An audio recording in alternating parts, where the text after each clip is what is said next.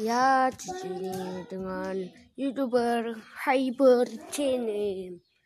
Wah, ya, aku akan membahas tentang jaket frontal. Jaket frontal adalah jaket yang besar dan unik.